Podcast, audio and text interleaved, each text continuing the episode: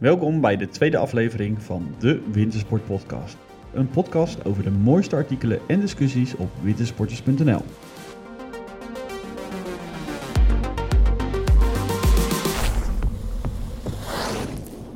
Nou Martijn, Ja, gaan, daar gaan we, weer. Zitten we weer, Arjen. Tweede ronde. Yes, helemaal goed. Nou, kleine follow-up op de volgende keer. Gefeliciteerd, Arjen. Ja, dankjewel. Ja, het was een groot succes. Ik ben benieuwd of we het kunnen overtreffen. Ik denk wel dat eh, het is wel leuk om de feedback van mensen te lezen. Dat, dat je toch wel veel eh, terug ziet komen hoe we dit interessant gaan houden. Ja, mensen vragen zich toch, eh, meerdere mensen vragen zich af of wij genoeg hebben om te bespreken. Om een heel seizoen vol te krijgen. Nou ja, het moet op zich niet zo'n probleem zijn. Tenminste, ik ken mezelf een beetje.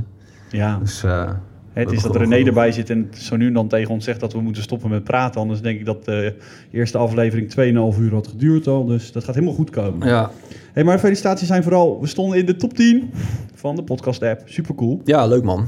Ja, geen idee wat dat dan waard is. Maar eh een Ja. top 10 notering, eh, daar ben ik over het algemeen niet tevreden mee. Dus we moeten wel wat omhoog. Nou, we gaan een keer voor hem mee. Maar de eh, top 10 hebben we, we hebben een kleine duizend luisteraars gehad. Dus dat betekent wel dat het podcast is wel populair. Maar het is nou niet dat je gelijk een miljoenen publiek moet bereiken om in die top 10 eh, terecht te komen. Nee, dat blijkt. Maar nou, toch wel gaaf, gaaf experiment. Ik ben er wel positief over geweest. Maar we kregen ook kritiek. En vooral ik. Ik heb Ja, best, wel, ja. best wel moeilijk mee gehad. Nou ja, Een eh, telefoontje van mijn moeder gehad. van, eh, Eh, die zei van, ja, ik heb jou toch opgevoed dat jij ABN hebt leren spreken. Maar blijkbaar kon ik dat dus niet in de podcast duidelijk maken. Dus ik ga mijn best doen om vandaag zo min mogelijk met accent te praten. In ieder geval, ik denk dat de mensen wel, ehm, eh, nou ja, dat, dat je wel het gevoel krijgt dat je echt naar jou aan het luisteren bent. En niet naar een soort van, van, van, van versie met een laag chroom eroverheen die speciaal voor deze podcast opgespoten is. Nee, wat dat betreft, ik ben gewoon mezelf. En jij bent je, want we willen het ook lekker informeel houden. Ja, gewoon het. lekker gewoon praten over wie we zijn en hoe we zijn en, eh, en wat we doen. We maken het gewoon niet te moeilijk. Hey, gesjoemel over pistekaarten. Hot topic, komt uit het magazine, uh, Ja. Wintersport Magazine. Eh, schrijven veel redacteurs eh, nu ook aan, eh, aan mee. Hè? Roel heeft het artikel Mhm. geschreven. Maar jij kwam erachter. Ja, ja, nou ja, erachter. Het, het, valt je op. We hebben een stukje achtergrond. Ik, ik doe ook, eh, ben een van de oprichters van Wiebouwer. En we hebben net een nieuwe site gelanceerd. En dan zijn we eigenlijk de hele zomer en lente zijn we bezig geweest met het invullen van allerlei skigebieden in een, eh, eigenlijk aan de achterkant van de website. Met een soort tekenprogramma. Daarmee eh, geven we aan van waar de grenzen van een skigebied liggen. Ehm, en dat tekenen we in. En daar vullen we dus ook meetpunten in. Van oké, het dal ligt op eh, ligt daar. En dat dorp ligt dan op 1000 meter. En het de top ligt daar. En dat is dan 2500 meter. Maar op een gegeven moment begon ik een beetje een soort van discrepanties te zien tussen eh, ja, de hoogte van eh, wat aangegeven werd door het systeem bij ons, hè, via eh, op de kaart, en het, de hoogte die wordt aangegeven door skigebieden op de pistekaart. Ik denk van, hé, hey, dit is wel een bijzonder verhaal. Ga een lampje branden. Ja, precies. Precies. Nou ja, goed. En dan met in je achterhoofd nog, zeg maar, het, eh het met de pistekilometers. Dat de gebieden natuurlijk veel meer pistekilometers opgaven dan dat ze daadwerkelijk hebben. dacht ik van ja, weet je, wacht even. Wordt hier, wordt hier nou ook wat mee gedaan? Want op zich, weet je, vanuit een per- perspectief van zo'n gebied is het best wel logisch. Hè, door een hogere top net even wat, de hoogste top net even wat hoger in te schaden, zodat het nog stilzekerder lijkt. Of het dorp juist Ja, wat hoger ja. te leggen, zodat... hè, Maar het is een soort van slippery slope, weet je. Op zo'n pistekaart zetten ze soms bij een top van dat is zo hoog.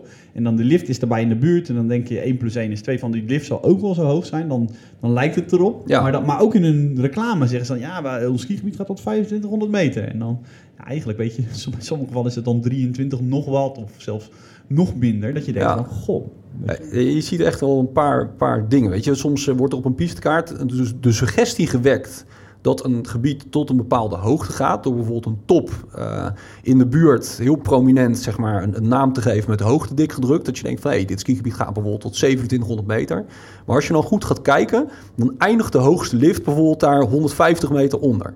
En dus, dus er wordt niet hier gesjoemeld, maar je wordt in ieder geval, ja, door gewoon ontwerp van zo'n kaart, wordt in ieder geval de suggestie gewekt dat het zo hoog is. Ja, en soms gaat het nog wel wat verder. Hè. De, de, eh, ik denk een mooi voorbeeld ervan. In, in ehm, Oostenrijk hebben we eh, een onderzoek gehad. Er was een, geloof ik een Duitse professor die is een keer pistekilometers gaan tellen. Dat Ja, ja, onderzoek is denk ik twee jaar geleden geweest. En een van de, eigenlijk een van de skigebieden en de bedrijven daarachter, dat moet ik even kort uitleggen, is eh, je hebt de Schulz-groepen. Dat is een Ooster, heel groot Oostenrijks bedrijf. En die hebben onder andere exporteren ze het skigebied van Hocht-Zielertal, een van de populaire skigebieden in, eh, in het Zielertal.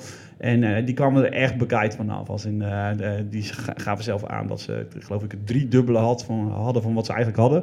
Maar die exporteerden nog meer skigebieden, ook onder andere Kalsmatrij. En die moest ook echt heel erg dik fors terug in aantal kilometers. Maar die zijn ook weer bij dit onderzoek betrokken. En daar, gaat Ja, het- ja, ja, daar, daar is het niet meer suggestief.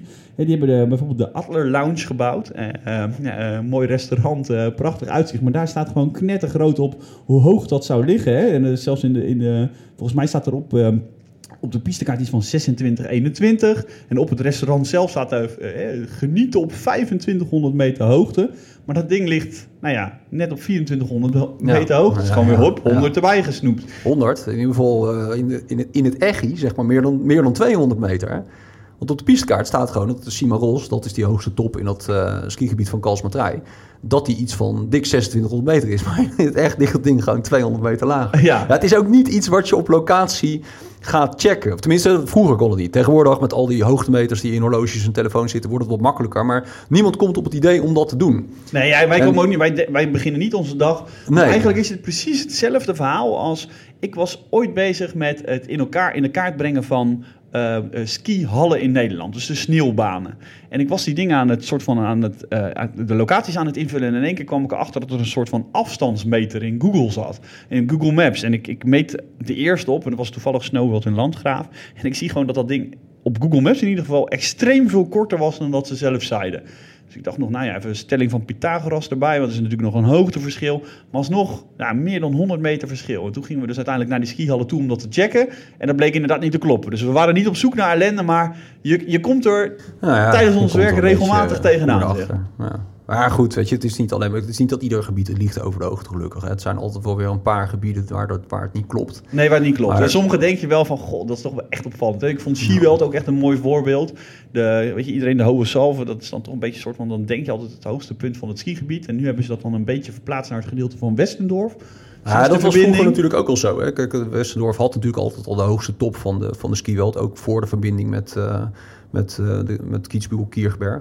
Maar de, de is natuurlijk de meest markante top in het gebied. Dus dat mensen voelen, dat, eh, voelen het als dat, dat de de top, is. En die ligt op 18 nog wat. 1829. Precies. Maar en dan heb je de, aan de Westendorfkant heb je dan ook nog de, wat is het, de, de, eh, Kam, Kampen of zoiets. En de Flyding, dat zijn, die zijn dan net even een paar tientallen meters hoger. Dus die zijn op papier hoger. Maar ook daar, weet je, wordt dan de suggestie gewekt dat die net nog even wat hoger ligt. Maar ja goed, dat is ja, sowieso voor de ski wel natuurlijk een beetje grommel in de marge. Nou ja, het is Maar- gewoon in de marge. Maar kijk, uiteindelijk het, als je ziet wat Roel, eh, eh, wat Roel uitlegt, is dat, dat je hebt natuurlijk ook een beetje dat, die 2000 meter, wat een soort van echt een switchpunt is in skigebieden. Van ligt iets erboven of eronder. Dat, dat, voor je gevoel maakt dat heel veel uit.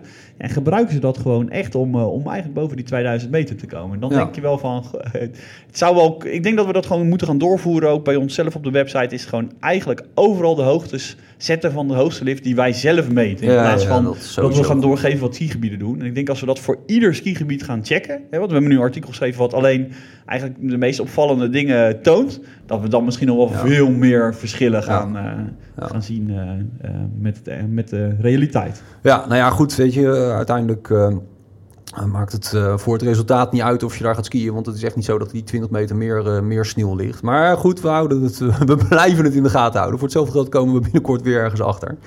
Dus, eh, maar wat ik ook las, en dat, dat is totaal niet mijn straatje, dat vond ik meer jouw ding. Maar wat, wat, wat ik wel een leuk topic vond waar ik tegenaan liep, was dat eh, het een proefdraaien in een, in een pension. en ik ben een erg groot fan van het programma Ik Vertrek. En ja, weet je, ja, ik, ik vind dat fantastisch om dat te volgen. Het is een beetje een soort van, ik denk dat de reden waarom iedereen naar dat soort programma's kijkt, een stukje van, van leedvermaak met toch ergens in je hart misschien ook wel een soort van droom om dat zelf ook nog een keer te gaan doen. Maar in ieder geval, die combinatie is, is goud waard. Ja, is En- goud. Ik bedoel, als ik met mijn vriendin dat ga kijken, dat is een van de vaste programma's die we kijken, is het eh, inzetten na vijf minuten. Eh, of het het wel gaat worden of niet. Want dat is waar ik vertrek natuurlijk altijd zo mooi. In het begin, in het begin laat ze dat een beetje soort van in het midden. Of het één grote ramp wordt of dat het succes wordt. Ja. En me- dan zit je je geld in. Maar de mooiste afleveringen zijn natuurlijk als het gaat over de sneeuw. Weet je, mensen die naar Oostenrijk vertrekken of Frankrijk. Nou ja, daar heb je zelf het meeste gevoel bij, inderdaad. Ja. Dus dat is wel... eh, Nou, en toevallig kennen we, dus dat vind ik wel mooi. Kijk, tv is natuurlijk altijd moeilijk. Het, het, het, het is, tv benadert de waarheid, maar er zitten natuurlijk altijd gescripte dingen in. Dus wij, toevallig kennen wij Arno de Jong. Die zat in een aflevering, eh, nou, Arno en Jessica heet de aflevering, denk ik. En die vertrekken dan naar Flaine. Aflevering is inmiddels denk ik al een jaar of vijf, zes oud. Zoiets denk ik. En uh, als je die aflevering kijkt, dan denk je, nou Arno dat, en Jessica, dat wordt helemaal niks. Dat, wordt, dat, dat was echt zo'n rampenaflevering. Dat je denkt, my lord. Uh, dus die, die vertrekken naar Flaine. En uh, ja, het is gewoon heel pijnlijk hoe het in beeld wordt gebracht. Op een gegeven moment zit zij onder in de keukenkastjes de hele dag te poetsen. En hij is alleen maar aan het genieten op de piste. Weet je, dat je denkt van wat een enorme lul is die vet. Maar, maar dat, dat wordt weer een 1 sterren review, sorry. Maar, maar echt een enorme, nou, wat een eikel gewoon. En, maar het is ook allemaal een beetje suggestief. Want op een gegeven moment gaat hij dan, dat vind ik het meest pijnlijke gedeelte van die aflevering, dan moet hij naar die kassa toe lopen. En dan vraagt hij dus in Flaine of hij een paar gratis skipassen mag komen, uh, krijgen, omdat hij dus Nederlanders naar dat skigebied gaat brengen. Waarop dat kassameisje, gewoon een grietje van 16, zegt van, joh, uh, sorry, daar kan ik je echt niet mee helpen.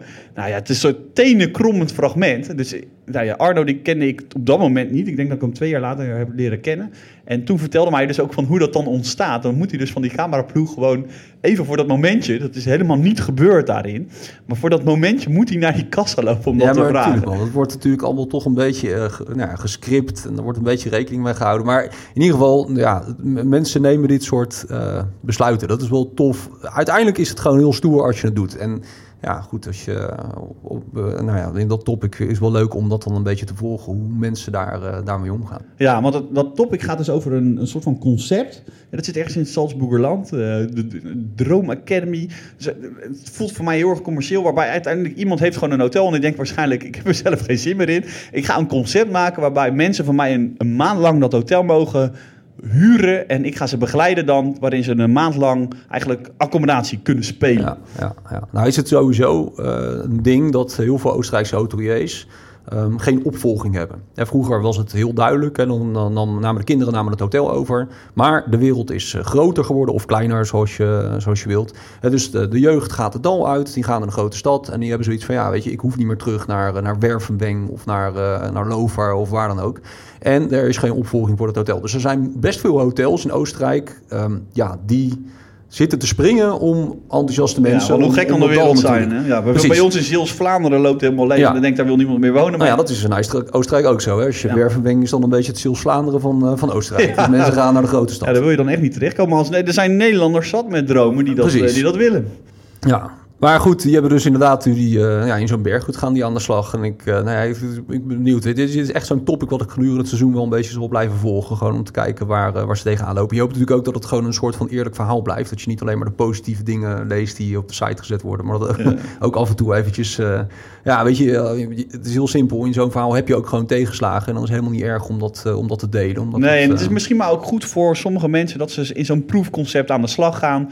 Dat ik denk toch dat een hoop mensen na een maand misschien van de koude kermis thuis komen, dat het van mensen beginnen vaak hun verhaal van ja, uh, ik ga heel graag skiën. Ja, maar, maar als je ja, zo'n accommodatie hebt. Ik ben hier een paar keer op vakantie geweest en toen was het echt fantastisch. Ja, ja, ja je okay. ziet waarschijnlijk geen piste als je zelf het hotel hebt, omdat je de borden staat te wassen, omdat het anders onder de streep niet uitkomt. Dus uh, het is vooral de, ik, voor mij heel vermakelijk om te lezen hoe andere mensen dit, uh, dit meemaken. Dus leuk om mee te kijken. Hey, uh, topic die het heel goed deed. Videootje hebben we gemaakt. En toen dachten we van, uh, nou, dit zal vast wel veel reacties opleveren. En we zijn niet teleurgesteld. De grootste ergernissen op de piste. Ja, nou ja, ja. Nou ja, ja dat, dat is een, een, absoluut een ding wat bij heel veel wintersporters natuurlijk altijd weer terug blijft komen. Iedereen heeft wel van die momenten dat je je stoort. Heel vaak zijn het trouwens ook gewoon Nederlanders waar je dan aan stoort trouwens. Van, uh, van je staat bij de lift en dan komt iemand weer over je skis heen. Of Weet je, of je bent op zo'n zo'n pad aan het glijden en je wil gewoon rechtdoor, want anders gaat het te langzaam. En dan is het natuurlijk altijd een, een beginnende skier die je dan daar voor niks kwalijk kan nemen, maar die is wel bochtjes aan het maken en niet in een, in een hele mooie, logische lijn. Maar ja, er wordt af en toe wel eens eventjes een correctie geplaatst. Maar zijn wij daar als Nederlanders dan zo nadrukkelijk mee bezig? Het is alsof we een startschot hebben gegeven met deze video voor, voor, voor iedereen die zijn frustraties deelt. Dat je denkt, Waar is iedereen mee bezig? Ja, nou ja, dat, dat, dat is het denk ik ook wel. Uiteindelijk uh, heeft, heeft iedereen wel zo'n moment dat je, nou ja, dat, dat, dat, je, dat je weer eens bijna onver bent geskiet. Of, of weet, weet, ik veel. Weet je, je staat in een rij bij de lift en dan gaat de buitenste, buitenste rij. Dat is een goede tip trouwens. Als je bij zo'n lift in de rij staat. Dus je, je komt bij een drukke lift en er staan een paar honderd man. En je denkt van, nou oké, okay, dit gaat even duren. Neem de buitenbocht. Echt, maar wij kunnen elkaar er altijd in vinden. Hè? Ik bedoel, als wij ochtends bij e-school bij de Sovretta-baan bijvoorbeeld, is een hele lange bocht. En iedereen denkt altijd, ik neem de binnenbocht, want dat is het snelst. Buitenom is altijd het ja, snelst. Ja, dat, uh, dat scheelt wel. Maar goed, dat, is, uh, dat heeft eigenlijk niks met deze ergernis te maken. Maar nou ja, voor hetzelfde geld zit iedereen rechts van ons voorkomen. zich helemaal kapot te ergeren over wat wij, uh, wat, dat wij linksom inhalen. Maar in principe ja. denk ik van het, de meeste mensen vinden gewoon schouders gebruiken, over de skis heen lopen. Dat vinden ze echt heel erg irritant. En wat mij ook opvalt is gewoon veel mensen die zeggen van de snelheid van anderen of de controle van anderen, dat ze daar heel erg mee bezig zijn. Dan moet ik zeggen dat dat mij persoonlijk niet zo heel erg veel doet. Dat ik denk... Nou ja, totdat het moment dat je wel een keer wat doet. Ja. Hè? Dus uh, joh, we hadden een keertje... Toen werkte ik nog in een wintersportwinkel. Toen hadden we een keer een man binnen. Die, uh, die was nog nooit op wintersport geweest. Maar die wilde eigenlijk naar de zon. Nou, lang, lang verhaal. Die ging in ieder geval hij ging op wintersport. Alleen was het nog nooit... En dat was echt uh, typetje Haagse Harry. nou goed, daar kan ik op zich wel mee overweg. Maar dat was een prachtige vent. En die ging dus uh, in zijn, uh, in zijn Kelly-pak, zoals hij toen zei. Dus een pak van Killy. Uh, ging die naar een ander hotel in Zalmzee. Maar die kwam dus ook niet... Ja, die kon gewoon niet skiën. Maar vond natuurlijk zelf wel. Dus die ging die berg af met een bloedgang... Weet je, iets te veel uh, cash geld op zak. Weet achteroverleunend. Je, ja, nee, achteroverleunend. En hij zegt, ja, ja toen uh, kwam ik zo aanskiën. Uh, snel jongen, snel, snel. En ik hak, hak, hak, hak, tak, tak, tak. Bocht, bocht, bocht. En zo klap ik, hè, sta ik stil. Iedereen kijken, iedereen kijken. Ja, dan weet je al van, nou ja, dat is dus precies het type waarvan je denkt van, hmm, als ik die, als ik die Hij denkt dat iedereen vol bewondering ja, ja, ja, ja, ja. En dan heb je heel veel mensen, weet je, die skiën, technisch zijn die niet heel goed, maar die hebben wel gewoon de kracht. En die skiën dan ook op kracht. En dat zie je er ook dan af. Maar die zijn misschien zelf van mening dat ze wel lekker skiën. En dat is verder ook prima. Hè? Ik bedoel, iedereen, als je naar je zin hebt, heb je naar je zin. Alleen, laten we eerlijk zijn, die mensen hebben vaak net even wat minder controle. Ja, ja, ja. Nee, er zijn natuurlijk wel veel punten bij wintersport waar, waar ergernissen en potentieel naar boven kunnen komen. Het is vaak druk in zo'n skigebied. En heel veel van die ergernissen zitten om rond die. Hè? Van de mensen die te veel naar links en rechts skiën op, uh, op uh, paadjes, uh, dat je er nu niet langs kan, tot dringen bij de liften. Wintersport is gewoon een massatoerisme geworden. En bij massa's horen blijkbaar heel veel ergernissen. Ja. Maar ik moet zeggen, zelf loop ik niet compleet geïrriteerd de hele dag door het skigebied heen. Ja, Gelukkig jij dan? maar. Jij, dan? jij bent ook een positieve vogel, dus ja, jij ook Ja, nee, maar je ontwijkt het ook wel een beetje. Hè. Op het moment dat je natuurlijk daar, uh, ja, de, je ziet het toch aankomen, dus dan ga je er toch al uh, Ja. mee om. Maar weet je, voordeel, kijk, kijk in de Alpen is die drukte, maar ik zag ook laatst een artikel op de site verschijnen. daar heb je die ergernissen zeker niet. Simpelweg omdat er gewoon, denk ik, niet zo heel veel mensen zijn. Of denk ik, dat weet ik. Want ik ben er ook geweest. Dat is namelijk uh, het skiën in Georgië. Ja, heel dik artikel. Henry is uh, bij ons ongeveer een jaar aan de slag en is eigenlijk gefascineerd door skigebieden en vooral het bouwen van liften. Uh, hij schrijft hele mooie artikelen over alle nieuwe innovaties in Oostenrijk, Zwitserland, Frankrijk. Maar hij heeft nu ook een artikel geschreven. Hij is vorig jaar dus naar Georgië gegaan om eigenlijk te kijken naar een nieuw project daar. En voor mij een compleet onbekend land, Georgië. Jij bent er volgens mij Ja, één keer geweest, ik ben er geweest, ja. ja. Dat is inmiddels ook weer een jaar of zeven geleden, denk ik. Maakt dat dan heel veel uit? Is dat land ontwikkeld? En zeven? Ja, jij Nou, ik hoop het wel voor ze, laat ik het zo zeggen. Ik ben er natuurlijk zeven jaar niet meer geweest. Maar nou ja, het is wel, het, sowieso is het wel een mooi verhaal. Want ik, eh, ik, ik wilde een keer naar Georgië. Ja, in de Caucasus dus, voor de mensen die niet weten waar het ligt. Het ligt ten oosten van, eh, van Turkije, eigenlijk tussen de Zwarte Zee en de Kaspische Zee. En hoe lang is dat vliegen? Dat is eh, een uurtje of vier en een half, vijf vliegen. Ja, ja, zoiets. precies. Dus dat valt op zich wel mee. Dan vlieg je naar Tbilisi, naar de hoofdstad. En ik, daar wilde ik graag heen. En eh, toen in die tijd, we hebben het over zeven jaar geleden, dan ging je nog naar de vakantiebeurs. En ik was met, eh, nou ja, ik, ik was daar en ik was met die stand van Georgië, met die man aan het praten en eh, een verhaal gedaan. En ik schreef hem voor een ander magazine en ik kon wel eens een mail sturen. Dus ik had een mail gestuurd van, joh, ik wil wel eens een reportage maken over Georgië en Georgische skigebieden en bij jullie langskomen. Niks meer van gehoord. En drie maanden later gaat mijn telefoon om half vijf ochtends. Met echt een, een heel raar nummer erin. Weet je, gewoon vier nummers of, alsof je... Nou ja, ja, niet, niet her- eh, duidelijk herkenbaar. Dus ik Plus op. 88 of zo. Ja, nee, maar, ja, maar ik neem op. En ik zeg, ja, goedemorgen met, eh, met Arjen. Ja, ja, je spreekt met Sandra Roelofs. Joh, geen idee. Sandra Roelofs, wie is dit nou weer? Eh, eh, volgens mij is dat wel een bekende naam. Nou ja, dat, eh, maar dat, dat, dat was achteraf. Dat is dus de, de vrouw van de toenmalige president van Georgië. Ja, dat was Georgië, Saakashvili. Sa- Sa- Sa- Saakashvili. Ja. Saakashvili was de president. En hij had dus een Nederlandse vrouw. En die had dus blijkbaar via het ministerie van Toerisme... had hij dus dat mailtje gekregen. En die was zo enthousiast. Dat dus zo groot is dat land, hè? Dus nou ja, toen, toen. Maar er zit toch wel een ding achter. Want nou ja, toen hebben we later nog een keer gebeld, drie kwartier met haar aan de lijn gezeten. En, uh, hartstikke leuk dat jullie langskomen. Dus met de vrouw van de president? Ja, met de vrouw van de president, ja precies. Maar, wat, maar vervolgens hadden we een soort van uh, ge, ja, gepland van... oké, dan komen we vijf, zes dagen komen we daar dan heen. Maar ja, toen uh, brak eigenlijk de, brak er oorlog uit. Poetin die besloot dat, dat Georgië een afvallige regio was van Rusland. En die trok met zijn tanks Zuid-Ossetië en, en, die regio's daarbinnen. Dus dat ging niet helemaal goed. En ja, toen ook zoiets van, ja, weet je, is dit wel handig? En uh, een jaar daarvoor was er aan de overkant van de grens in Tsjetsjenië... was er net een uh, gijzeling geweest op een, op een school... waarbij daar, uh, nou ja, rebellen... Klinkt als ideale tijd om heel goedkoop op vakantie ja, nee, maar goed, dus, dus dat, dat doen we maar niet. En nou ja, uiteindelijk wel dat contact gehouden. Dus zijn we een jaar later daarheen gegaan. En nou ja, dus vijf dagen in Georgië geskiet. Ja, dat, dat is bijzonder. Dat is Want wat, wat houdt dat in? Is, uh, hoe goed zijn de liften daar? Is dat allemaal uit de jaren 70 of nou, zo? Ik, ik, ben in Goudauri geweest. Goudauri is uh, een van de bekendste uh, wintersportgebieden in, in Georgië. Dat ligt op een uurtje of vier rijden van de hoofdstad Tbilisi. En Tbilisi is een, um, ja, is, is een grote stad, maar toen, toen wij er waren ook... Um, ja, je zag dat het oorlog geweest was, laat ik het zo zeggen.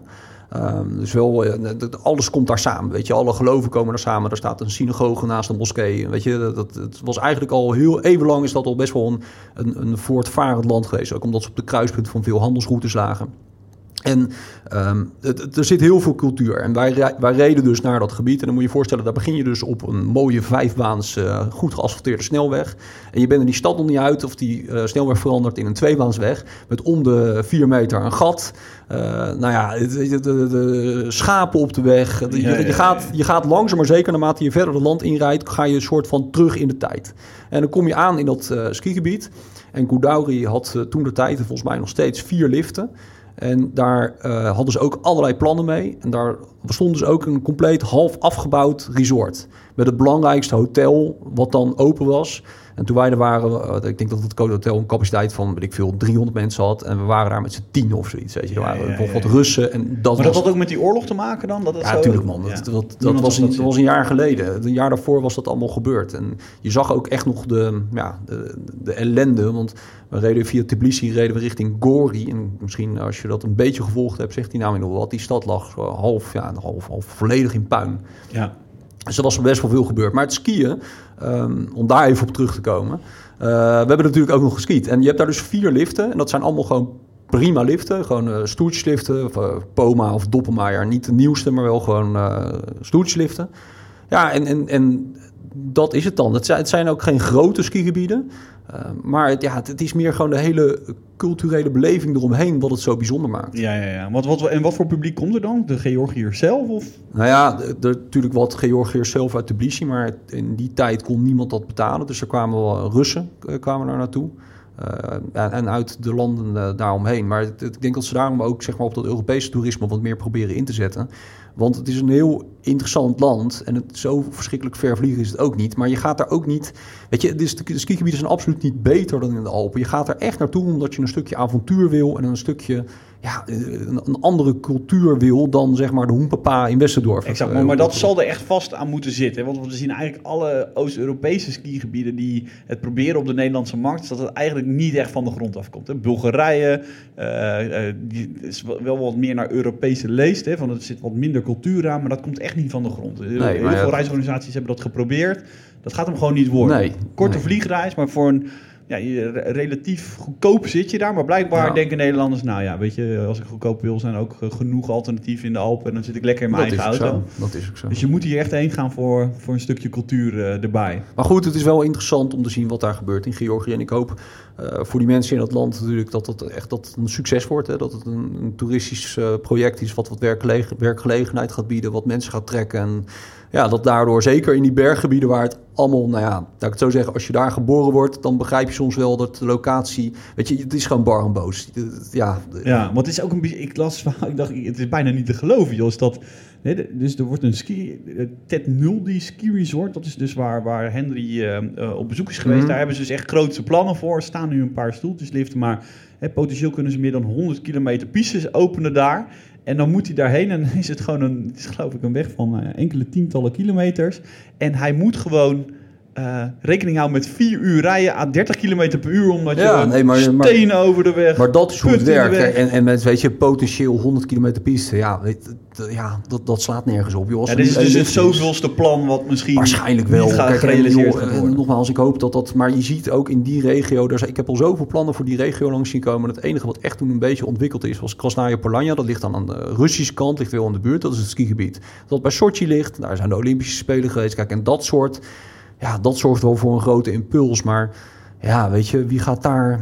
Ja, hoe kan je een skigebied met 100 kilometer pistes openen en daar miljoenen in investeren en een toegangsweg hebben die eh, als, alsof je door een rietje Nee, daarom. Dus daarheen moet als je dat zeg maar puur eh, economisch bekijkt, wordt het denk ik een heel ja, moeilijk verhaal. Maar ja, ja goed, hè, je, voor, hey, het avontuur is fantastisch. Dus ja, echt, wil, wil je dat een keer, dan is het echt wel tof om daarheen te gaan. Top. Eh, Enige idee met wie, met wie vlieg je naar Georgië toe? Is dat eh, alleen KLM of is, heb je echt Wij vlogen toen ter tijd met Czech Airways. Of nee, in ieder geval de luchtvaartmaatschappij. Overstapje tussendoor en Overstap dan- Praag en dan door naar eh Tbilisi. Ja joh, maar het is een mooi land. Ik kan daar nog uren over praten. Gekkigheid. Duidelijk. Hey, zullen we het hierbij laten voor vandaag? Is goed. Ja, maar goed, ja, we gaan het gewoon volgende week weer proberen. Iedere week. We zien wel hoe ver we komen. Ja, mensen vergeet geen eh, recensie bij ons achter te laten in Ja, de graag verschillende vijf sterren. Vijf sterren. Ja. En ga geen, eh, geen kritiek op mijn uh, uitspraak. dat zou ik niet waarderen. Ik uh, heb heel Ja. erg mijn best gedaan. Ik heb toch weer vijf momentjes gehad dat ik denk, dit gaat weer helemaal fout. Ja, nou ja, goed. We gaan, we gaan er weer wat moois van maken. Nou, dit was dus de, weer een aflevering van de Wintersport Podcast. Meer informatie over alle besproken onderwerpen van deze en eerdere afleveringen vind je op wintersporters.nl slash podcast.